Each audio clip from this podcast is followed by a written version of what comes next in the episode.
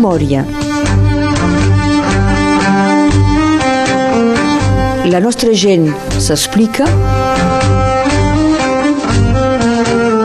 Berenguer Ballester.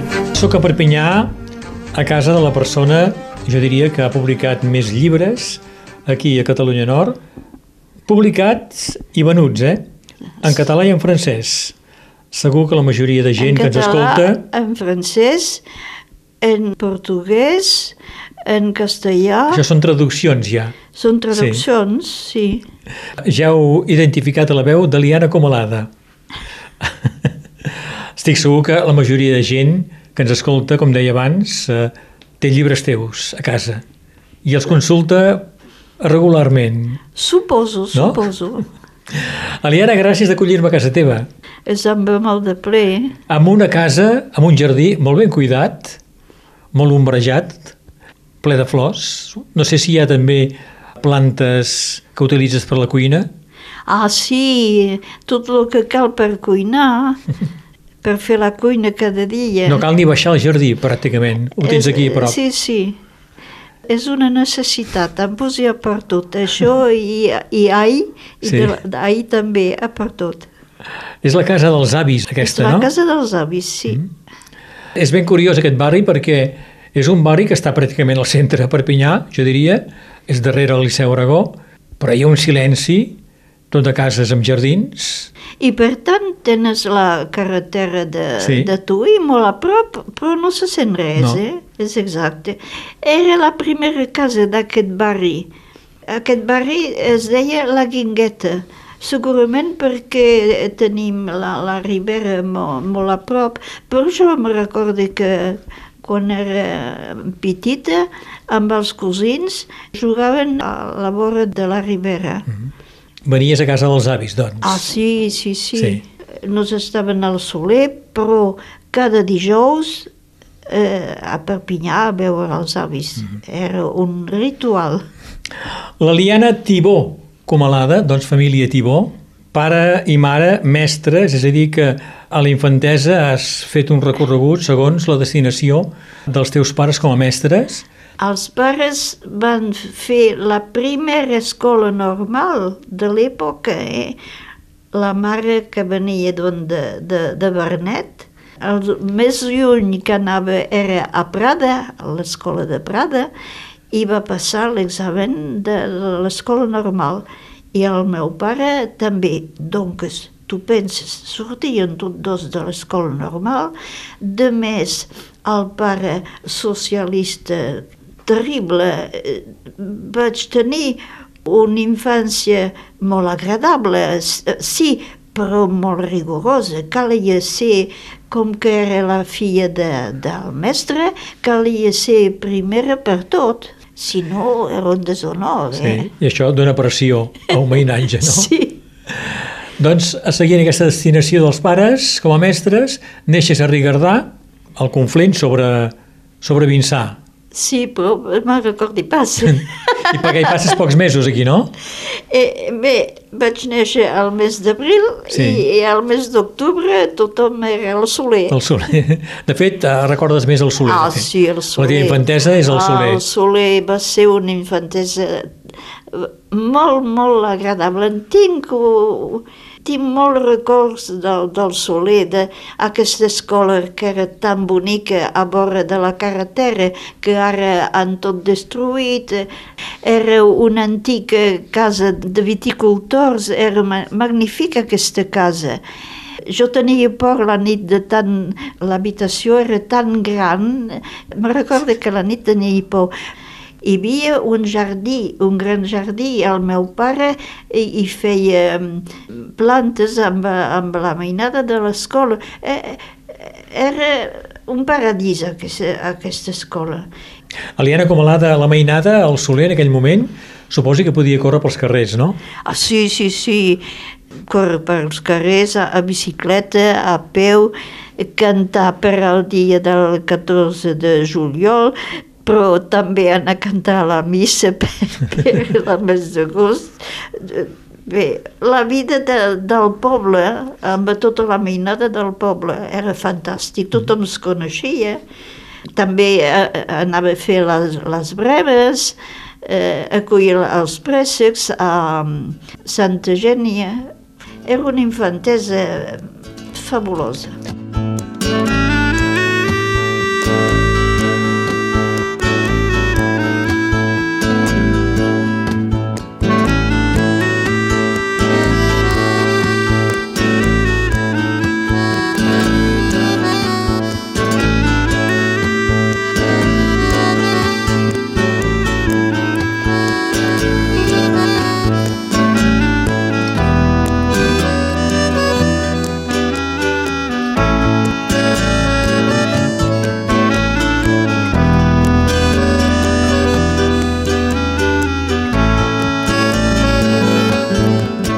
He dit que sóc a casa de l'Aliana Comalada, a la casa dels avis. Els avis que eren de Perpinyà, doncs. Els avis ja eren jubilats i eren a Perpinyà, però els avis eren de Bernet. L'avi maternal era de Bernet, però l'avi, que es deia Alfonso Adam Hild, ell era de Tarragona. Va tenir problemes perquè al moment de l'ocupació, saps, que calia donar la carta d'identitat a la prefectura, etc. I com hi havia el seu nom Félix Adam, pensava que era jueu. I pobret va tenir problemes. No me recordi gaire, però jo sé que, sé que el, el meu pare se'n va cuidar. Una període difícil eh, per la gent de, la, de llur edat. Aliana, tu neixes l'any 1928, és a dir que el 1939, temps de la retirada, tens 11 anys i sé que la família Tibó té una petita casa davant la platja d'Argelers. I sí, sí, una caseta petita a vora dels pins i entre el mar i la Pineda, una cosa encantadora. I l'any 39, doncs, veus que s'instal·len camps pels Sí, refugiats, pels sí. que feien la retirada. Em recordo que vaig anar amb el pare i l'alcalde de- d'Argelers al camp i aleshores hi havia a l'entorn del camp espais, veus, aquests soldats a cavall. I donaven el pa, el pa que portava el flaquer del poble ho donaven a, a la gent Cla- clavat amb una- amb una llança sí, i- era ho- horrible Sí. Per no s'hi apropar, vaja. hem quedat molt poc perquè jo era, era espantada però sé que el pare es va cuidar de, de dues parelles que després van venir a, a, la, a la casa de, de Perpinyà. Una d'aquestes parelles era un pintor molt conegut que es deia Nicolò i que van marxar després a Venezuela. Però hi ha altra, altra gent d'aquí també que havien recollit gent del camp d'Argelers. Tu doncs tens la visió aquesta del camp, l'has vist ah, del camp. Horrible, horrible, horrible. I la gent. I la gent. Amb eh, li barbaler. Vivien amb un hivern fred, sense cap protecció. Sense res. Sense res, eh? Sense res. Amb la sorra, és tot. La sorra i el mar, era La tot. sorra, el mar. Quina cosa, quina vergonya. Aliana Comalada, o Aliana Tibó Comalada, Tibau, Tibau, quan vaig anar a Barcelona tothom em va dir "Ma, Tibau, això no existeix, és Tibau. I és exacte, hi ha moltes famílies a, a, a Barcelona, T-I-B-A-U, Tibau. I fa, fa poc temps vaig anar a, a Seret amb amics i hem anat a, al petit cimenteri de les Illes i he trobat eh, tres tombes amb eh, Tibau. Dues dones i un home Tibau TI. D'acord. doncs direm Aliana Tibó Comalada. Amb la guerra a tu t'envien al Cantal. La família Sí, et vol protegir. Sí, perquè te dic, eh, tota, tota aquesta escola tan bonica era ocupada per una secció SS, eh? i la meva gent van tenir por i em van enviar al Cantal, a Murat Cantal. I aquí també ets testimoni de fets Sí. terribles, eh? Sí, eh, finalment a aquesta part del Cantal hi havia molta resistència, eh? hi havia grups de resistents i pot ser testimoni de, de el que en diu la, la rafla amb eh, tota aquesta població d'homes de 14 a 80 anys que han reunit a l'estació i que han marxat. Eh, l'han reunit al matí i a final de, de tarda hem vist eh, vagons de, vagons de bestiars. Se'ls emportaven cap al camp de concentració. A Buchenwald, ici. La resistència havia matat un oficial alemany i els alemanys, com a represàlia, van deportar sí. tots els homes sí. del poble. I sí. I n'hi ha un que va poder tornar molt malalt. No es pot dir que hi havia gaire possibilitat a França, eh, per ells no es parlava gaire d'aquesta gent que calia dels que havien tornat dels camps, eh? Tornat del que, que calia ajudar. Jo, no hi havia gaire gent que es cridava d'aquest problema. I ells tampoc en parlaven gaire en aquell moment, no? No Segurament? parlaven, aquesta gent no parlava, no. Nosaltres bé, hem recuperat aquest amic i després ha fet estudi superior i va acabar com a advocat a, a París, tenia una feina. Va fer un llibre també sobre... Sí, sobre l'enfer que Dante n'avait pas prévu. Sí, és un període... Tu veus actualment quan parlen de la, de la vida de la, de la senyora Weil. Simona Weil, sí. Weil. Va ser molt discreta, ella Sí. també quan va tornar, eh? Sí. Com penses com l'han acollit a l'assemblea, eh? que, se, que li han dit de tot, van ser tot. Van comparar l'avortament amb els, amb els camps de concentració. Jo tenia un, un gran respecte per, per aquesta Sí. senyora. L'avortement attise les passions françaises. Selon les derniers sondages, l'opinion est favorable à la légalisation. Mais les opposants diabolisent le débat. Au nom d'une conception sacrée de la vie et de l'origine, ils crient leurs angoisses et affichent leur peur. Les députés de droite subissent aussi la pression de la hiérarchie de l'Église catholique, comme de leur électorat chrétien le plus fervent. Aux portes de l'Assemblée, des groupes de dévots se lamentent en prière. Cela ne s'appelle même plus de l'injustice, c'est de la barbarie organisée et couverte par la loi, comme elle le fut, hélas, il y a 30 ans, par le nazisme en Allemagne. Eliana Tibau Comalada, tornes a, a Perpinyà quan s'acaba la guerra i et poses a estudiar. Sí, vaig al liceu, rue Emile Zola, passar el batxillerat de lletres i després el batxillerat de ciències. I després vaig passar concursos perquè vo- volia ser totalment lliure, no volia, eh, no volia fer gastar diners als pares perquè, bé, sabeu, els mestres d'escola no era una situació fabulosa, eh? I aleshores, eh, bé, anar a l'universitat, agafar un pis o altre, eh, era caríssim per, sí. per mestres d'escola. Aleshores he passat tots aquests concursos. Tu vas estudiar a Tolosa i a París, a l'Escola A Nacional Tolosa i a Superior. París, i a París era eh, la METEC. Em calia fer dos, tres eh, coses més que els altres. El- Els altres noies venien de Normandie, de Bretagne, d'Alsace, de Lorraine i de París. Jo era del sud, de Marseille. On disait que j'étais de Marseille. I, I què vol dir?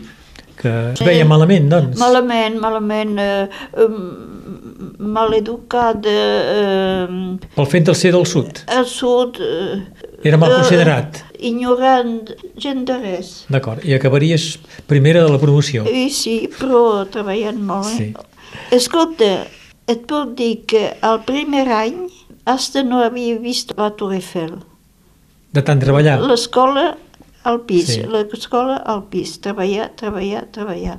No Doncs- coneixia res de, de París, eh, res. A l'Escola Nacional Superior d'Ensenyament Tècnic, especialitat Ciències de l'Alimentació. Sí, Per què tot això? Per què, per exemple, Ciències de l'Alimentació? perquè m'inter- m'interessa- Ja m'interessava molt aquesta qüestió. I aleshores els exemples que em venia a l'idea sempre era cuina d'aquí, perquè jo em semblava que, era, que corresponien perfectament a tot el que em deien a l'Institut d'Higiene Alimentari. Hi havia carn, hi havia peixos, hi havia fruita, hi havia llegum, a tots els àpats, o al mínim a un àpat. I jo trobava la, la cosa molt dietètica, molt inter interessant. Doncs, de primer, amb la recepta escrivia a la mare, la mare m'enviava la recepta, o l'avi, i quan vaig acabar tenia fitxes de tots els meus cursets i aleshores en aquest moment no hi havia cap llibre de referència per a aquests estudis al centre d'ap- d'aprenentatge. I vaig ser convocada a, a París, no a l'Educació Nacional, a, a l'inspecció d'ensenyament tècnic. Era una senyora, l'inspectrice general d'ensenyament tècnic. Jo tenia 21 anys, eh, però aquesta senyora em va demanar el permís de fer publicar les meues fitxes i d'aquesta manera que han publicat Tecnologia i Higiene Alimentària. Doncs podem considerar que és la teva primera publicació, aquesta. La primera pri- publicació eren dos llibres tècnics, llibres escolars, obligatoris a tots els centres d'aprenentatge. He fet aquest primer llibre i al mateix temps eh, havia començat a treballar amb el Battisti Roca. I és el Battisti Roca que em va introduir a Barsino. El Batista Roca, que va ser un intel·lectual i un polític catalanista que era professor d'història a Cambridge. Alors, de primer, de primer, a Montpellier, vaig conèixer la família Guinard. La família Guinard era un diputat de Barcelona que va venir a la retirada, no li han trobat cap feina aquí, i a Montpellier, pobret, com a feina, donava els tiquets per als autobusos, veus? I la seva dona, que sabia fer de costura, feia de costurera. I aquesta parella, a cada vacances tenien a casa un senyor que es deia Batista i Roca i que feia recerques a, la Universitat de Medicina de, Mo, de Montpellier. Doncs he conegut Batista i Roca amb aquesta parella. També aquest senyor Batista i Roca tampoc no li han trobat feina i ell va marxar a Anglaterra, era a Cambridge. Eh? Donc venia, eh, cada vacança venia i anava a fer recerques a, a la Facultat de Medicina de Montpellier. Jo li demanava, el vaig convidar a casa meva per, perquè el pare era més curiós que, que jo eh, en aquest... En El Pere, el teu marit. Sí. I aleshores ell que li va demanar a mi què feu ca, ca, cada dia, tota la, tota la diada? I diu, és que a la Facultat de Medicina i a les arxius de la Corona d'Aragó estic traduint les arxius de la Corona d'Aragó que estan escrites sigui en llatí, sigui en català me medieval. I aleshores, eh, com me, de, me demanava jo el que feia, i un dia em diu, me, veniu amb, amb jo perquè hi ha coses que us interessaran. I era, estudiava el, el manuscrit de l'Arnau de Vilanova. Aquí descobreixes l'Arnau de Vilanova. Uh, he dit, eh, c'est una mina d'or. He començat a treballar sobre les ximenis i sobre l'Arnau de Vilanova amb aquest senyor. I eh, Estem parlant de- d'autors dels segles XIII-XIV, eh? eh, començament de la Renaixença, eh, fin, eh, final de 14, que mm. malgrat tot. Eh. I aleshores eh, aquest senyor em diu, però es posa en francès que cal fer les publicacions en, en català perquè aquí de- d'això no entenen res. No? I havia guardat amics a Barcelona, és evident, i em va posar en contacte amb el Casa Coberta i amb el Casa Coberta he fet el primer, primer llibre que es deia de la Costa Brava al Canigó. L'any 63, Sí, que va tenir molt d'èxit. sí, però èxit sense pagar. Ah, I el Pascal em va comprar un a les, um, als encants de, de Barcelona que va pa pagar caríssim. Doncs aquest senyor, que és coberta, em diu oh, és molt poca cosa això. La cuina, la cuina de l'edat mitjana és una cosa fantàstica. I doncs he començat a, a treballar amb aquest senyor. He dimitit de l'ensenyament per tal de fer cerques. Fe no és esperar, fe no és somiar, fe és penosa lluita per l'avui i pel demà. Fe és un cop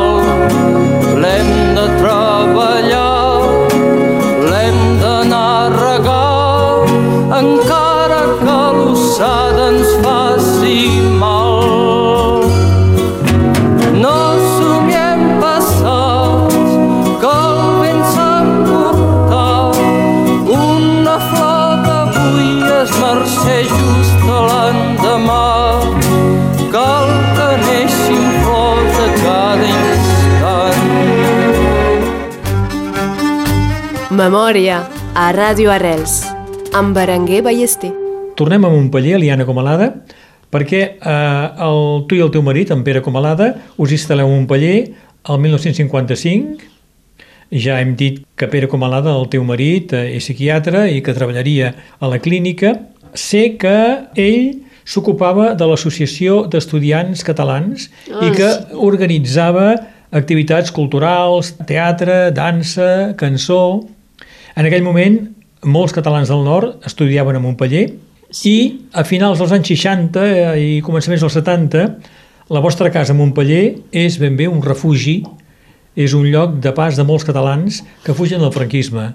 I sí, la, a vegades la casa era plena de gom a gom, de totes aquestes colles que venien de Barcelona. La, em recordo la, la primera vegada que va venir l'equip de Lluís, del Lluís Llach. de Lluís Llach, però tothom venia. Per un que cantava tenia 12, 14 que seguien. Eh? I venien a menjar a casa. Tothom menjava i, i dormia a casa. I dormia a per tot. I aquesta gent, quan venien a casa vostra, avisaven o arribaven així d'improvist? La primera, la primera vegada que van, que van venir, van arribar cap a la, les, la una del matí. A la una del matí, una trucada del comissariat de policia de, de Montpellier, eh, doctor, eh, soc a la casa del doctor, sí, sí, eh, què, pa, què passa? Com que el Jaume i el Pascal eren encara al liceu Els teus fills. eh, teniu una vespa, jo he pensat que havia... Un accident, clar. No, no, no, senyor, és que teniu, tenim una colla de gent, d'espanyols, que diuen, que demanen le Plan Cabana. El Plan Cabana era la placeta que era a prop de casa nostra i era, era fàcil per a la gent que tenia de demanar le Plan Cabana. Sí. I a la, en aquesta època, le Plan Cabana, c'était le rendez-vous de tous les homosexuels de tout, de tout le midi de la France. D'acord. I en aquest Així grup hi havia el. Lluís Llach, Hi havia, hi havia el Lluís, hi havia uh, l'Ovidi, Ovidi Molló, Ah, de la, Pi de la, Pi de la Serra, Serra. el Quico, oh, tota, una, tota una colla. els coneixes tots aquests? Sí, sí, sí. Amb Lluís, cada vegada em cuidava de li trobar una sala. En aquesta època, mira, l'alcalde de, l'alcalde de Montpellier era un home de dreta eh, i em deixava la, la sala la sala de- d'espectacle que era baix del teatre, veus el teatre de Montpellier? Sí. La sala Molière D'acord. em deixava gratuïtament aquesta sala. I jo havia trucat aquí a Perpinyà i un senyor em va contestar mais madame, il chante en catalan. I, i oui, il chante en catalan. Encore voulez-vous qu'il chante Ah, mais ça, il n'y aura personne, c'est pas la peine. I a Montpellier sí. I a Montpellier, sí. Doncs de primer sala Molière, després a l'universitat, l'universitat l'entrada era lliure. Demanaves una sala a l'universitat i es podia fer un concert, el que volies. Doncs després eh, ho feia a, a l'universitat. Doncs venien a dormir a casa, a menjar a, A casa, dormir menjar. els hi havies organitzar els concerts, els hi feies tot, vaja. Sí, el pare eh, venia, però de l'organització material era, Era una altra sí, cosa, això. cuidava de tot, sí. Sí, perquè el Pascal era jovenet, Ah, sí. I- i ha- eh? Jo, jo veig, eh, el sol Sí. escoltava. perquè cantaven també aquí a casa. Cantaven, xerraven... Xerraven de tot. Eh, tu saps l'estaca, eh, una part va, va, la va fer, la va composar eh, en Lluís amb el piano del Pascal. La nit on es va matar el El Puig Antic. Puig Antic. L'avi Siset em parlava de bon matí al portal mentre el sol esperàvem i els carros veiem passar. Siset, que no veus l'estaca a on estem tots lligats. Si no podem desfer-nos-en, mai no podrem caminar si estirem tots, ella caurà. I Avui fem memòria amb Eliana Tibau Comalada, soc a- aquí a Perpinyà, a casa seva, la casa dels avis. Eliana, ja ens has explicat que vas conèixer el professor Batista i Roca, que de fet va ser ell que et va portar a descobrir eh, dues figures importantíssimes de la cultura catalana, Arnau de Vilanova i Francesc de Ximenis. Sí, Tu en aquell moment, a la família Tibau, no parla català. No parla català perquè són mestres d'escola. Doncs els avis no tenien dret de parlar. Aleshores, la... bé, po pobreta, la, la meu avi eh, intentava de, de, de parlar francès i en sortia una, unes...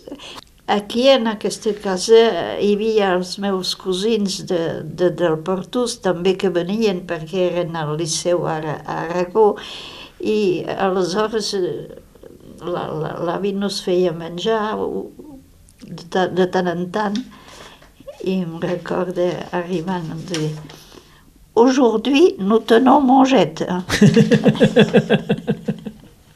Coses com aquesta, i un es fa de riure. És a dir que quan Batista i Roca t'incita a anar a descobrir també els arxius de la Corona d'Aragó aquests documents sobre l'Arnau de Vilanova o Festes de Ximenis, tu has de posar-te a aprendre el català. Tenia una vergonya, l'entenia molt bé, perquè al, al Soler tota la gent, la mainada, tothom parlava català. Doncs l'entenia, però de parlar no. I com a casa no es parlava, i era prohibit totalment. No, no, de parlar res. I aleshores, quan va venir tota aquesta colla a Montpellier, tenia una vergonya horrible. I m'hi vaig posar. He, començat a aprendre a curser. Es va crear la secció a l'universitat i la Miquel Valls feia cursos per correspondència. Jo em vaig inscriure en aquests cursets. Bé, aprens a parlar català, fas recerques sobre el patrimoni culinari de Catalunya Nord i de tots els països catalans, vas a arxius també, vas a Roma, Sicília, i sobretot el que fas és trepitjar terreny. Vas comarca per comarca, cerques restauradors que coneguin les cuines locals, vas a la recerca de receptes pròpies de la cuina catalana. Sí, i era difícil perquè era eh, el període encara del franquisme i aleshores, eh, sobretot eh, al restaurant, em feia eh, a baixeta, no parlis català, al final vindràs a la cuina eh? I, i sobretot no parlis català. Eh, eh, Tenien una por, aquesta sí. gent terrible, eh? I vas aconseguir doncs, que t'expliquessin coses de la cuina Sí, que va, feien. vaig fer descobertes. Vaig descobrir el sofregit i la, i la picada, que són les bases Sí. sí. de, la, de la cuina catalana. Eh? Com, a- com a França tenen les salsa, le roux blanc, le roux blanc, eh? ells tenen aquestes dues bases, del començament de l'actuació i al final amb la picada. I això va ser per mi una, des, una descoberta fabulosa i, i, i aleshores m'he avisat que moltes receptes d'aquí eren receptes catalanes però que després a començament del segle XX van ser totalment adobades a la, a la manera francesa. Ja hem dit que quan tenies 21-22 anys et demanen permís de publicar les teves fitxes que havies fet sobre cuina catalana i fan manuals d'ensenyament d'higiene de l'alimentació.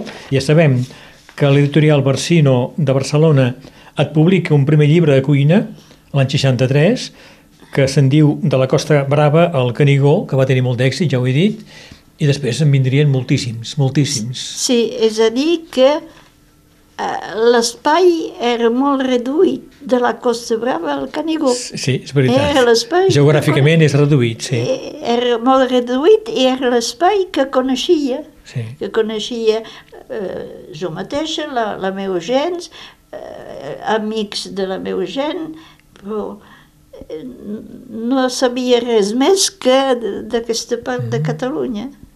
Jo he comptat, no sé si la xifra és bona, una seixantena de llibres, Sí, exacte, pot ser més. potser més. he trobat tota una sèrie de correspondència de, amb els pares i bé, els hi dic el que faig cada dia. Em demani com ho, com ho feia. C'est pas una capacitat de feina eh, importantíssima perquè bé, calia, fer les recerques, però després calia escriure tot això.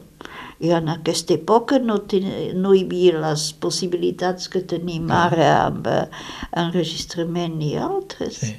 Amb tota aquesta feina d'investigació de recerques, hi ha un dia que coneixes l'escriptor Manuel Vázquez Montalbán, Ah, sí. l'escriptor gastrònom.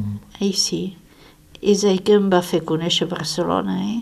Abans els, la transformació de Barcelona Sí. per eh, Jocs als Olímpics. Jocs Olímpics. Ah, heureusament, heureusament. Vaig conèixer aquesta part de Barcelona, el barri Chino, de- però són parts de Barcelona que una dona sola no podia anar-hi. Eh? Donc, eh, em va fer conèixer amb amics seus i amics meus. Era una època, una atmosfera que ara no existeix més a, a Barcelona. També he conegut una, una part d'aquests carrers eh, amb la, amb la Núria Batalla, perquè... La productora de Lluís Eh, Llach. Sí, he anat a, a, a concerts suposats a prop de Barcelona. Què vol dir suposats? Suposats. Un concert a Parlava, a prop de Verges. Sí. Tenia doncs, programat un concert amb tota la colla. I quan eh, la colla de músics i de cantants arribava, arribava la, la, La Guàrdia Civil. la Guàrdia Civil que demanava el programa. La Núria presenta el programa i jo ho veig sempre l'oficier que a mesura tac, tac, Enllà. no quedava res. Ah, bé.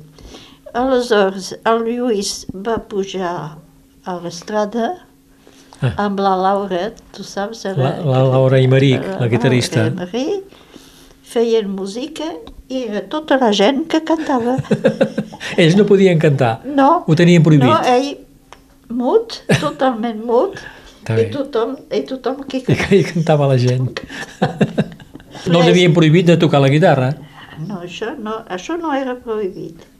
Pobrets, no tenien ni un diners, però hem anat a un, a un cafè i la Núria demana una copa i 16 palla. Sense, sense palles.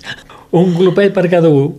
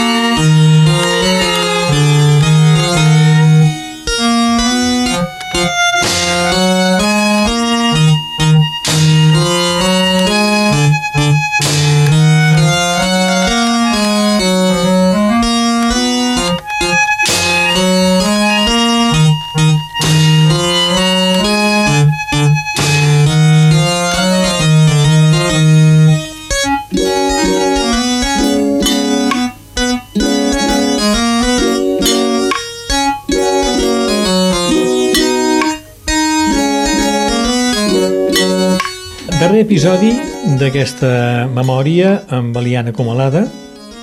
Jo voldria eh, parlar, encara que sigui per un moment, del teu marit, en Pere Comalada. Va morir el 87, perquè va ser actiu políticament i culturalment en la recuperació de la catalanitat aquí al nord. D'on venia ell? Ei, la seva família era dels Aspres, de la seva mare que era Banyuls dels Aspres. Eh? Mm. No sabia res de la seva família i ell tampoc. He conegut la seva família a cada enterro. Bon, doncs, la mare, te dic, Banyuls dels Aspres, Sí. sí. aquesta part, que es de, la, la seva mare se, es deia Parera, Paraire, eh? tenia família a Rodés i del costat de, del seu pare res. No sé res d'aquesta família. Va néixer a Perpinyà? Va néixer a Perpinyà, D'acord. sí. Tu tens dos fills, un metge i un músic, Ah, totalment diferent. en Jaume i en Pascal. Sí, un científic I l'altre, i... com el definiries l'altre? No sé, és un personatge que ha sapigut fer el seu camí amb l'aliança de- d'una política catalana molt forta i els aspectes de la música en aquesta època, sobretot fent referència a- als músics d'Amèrica i d'Anglaterra. Ja quasi ho, ho va fer sol perquè quan ha acabat el batxillerat teòric ha anat passar més d'un any a Barcelona perquè pensava que entraria al Conservatori de Barcelona i això no va ser possible. Donc, ha fet el camí quasi sol perquè el, el pare començava a ser malalt i jo no podia seguir. Va ser per ell un període molt difícil. No m'he cuidat del Pascal i això per mi eh, és una pena. S'ha fet tot sol, Mhm. quasi, però et diré que a casa mai es parlava de medicina. A casa hi havia pintors, hi havia gent de teatre, hi havia gent de, de dansa. En aquesta època eh, a casa venien tota la colla de eh, suport surface. Sí. Eh? Eh, Violers, Fornel, Desnoyers, Descossí. Era molt amic amb el Descossí. Doncs tota aquesta gent de pintura, de teatre, i els, els fills d'aquesta gent eren amics del Pascal. Ara el Pascal és un nom reconegut en la música, no només a Europa, perquè al Japó se l'estimen Inter- molt, Internacional. On Internacional. que la fait une carrière internationale fu- fulgurante, oui. no tothom hi creia al començament. I encara, enca- aquí encara és una vergonya, en fi. Pff. Li fa una mica de pena, perquè, perquè és molt català, el Pascal, Mm. més que jo. Però jo, jo li dic, deixa córrer.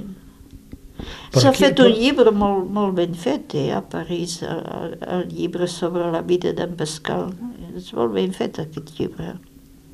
Ha passat sovint això, eh? Que un fill del país ha de ser reconegut a l'exterior perquè després pugui ser reconegut aquí.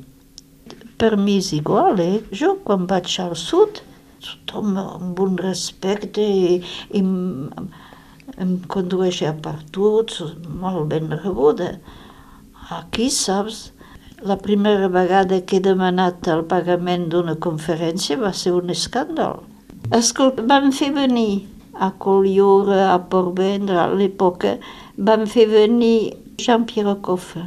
Total, per se, se sentir dir que les anchois c'était de la merda, i bé, aquest senyor l'han pagat un xec molt bonic, l'han allotjat aquí als Arcades i ha marxat amb eh, no sé quants de regals, Sí.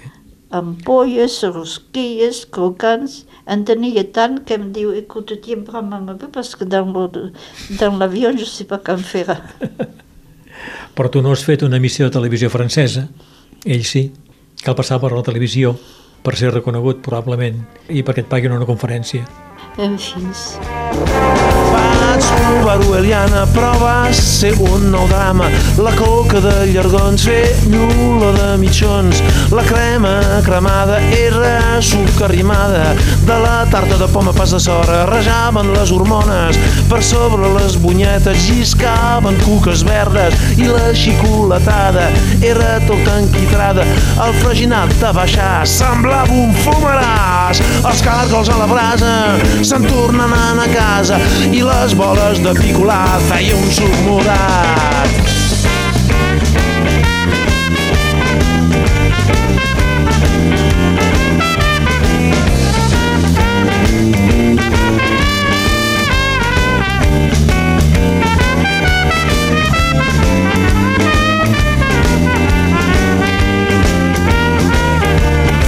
Doncs pinten aquest suc, va dir la tia Eliana. Eliana Comalada, has inspirat cançons dels blues de Picolat i de l'Albert Bueno, te recordes, no? ah, sí. Uh, els bons amonestaments de la tia Eliana, dels blues de Picolat, i demana a l'Eliana de l'Albert Bueno.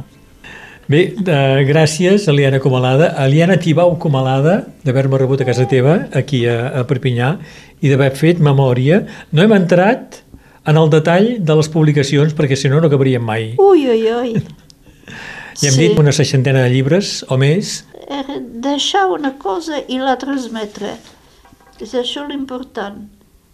Jo crec que has reeixit en aquesta transmissió de la cuina tradicional catalana i que molta gent ara ja sap fer un sofregit i una picada. Suposo, També aquí al nord. Suposo que sí. Eliana, gràcies per aquesta memòria. De res, és amb ple. I gràcies per la, la feina que fas tu també. Gràcies i bon dia.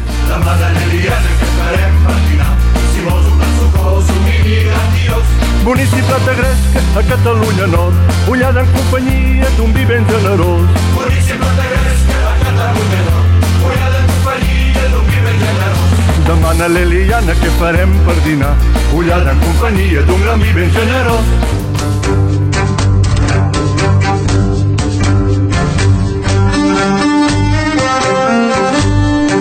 Memòria. La nostra gent s'explica. Berenguer Ballester.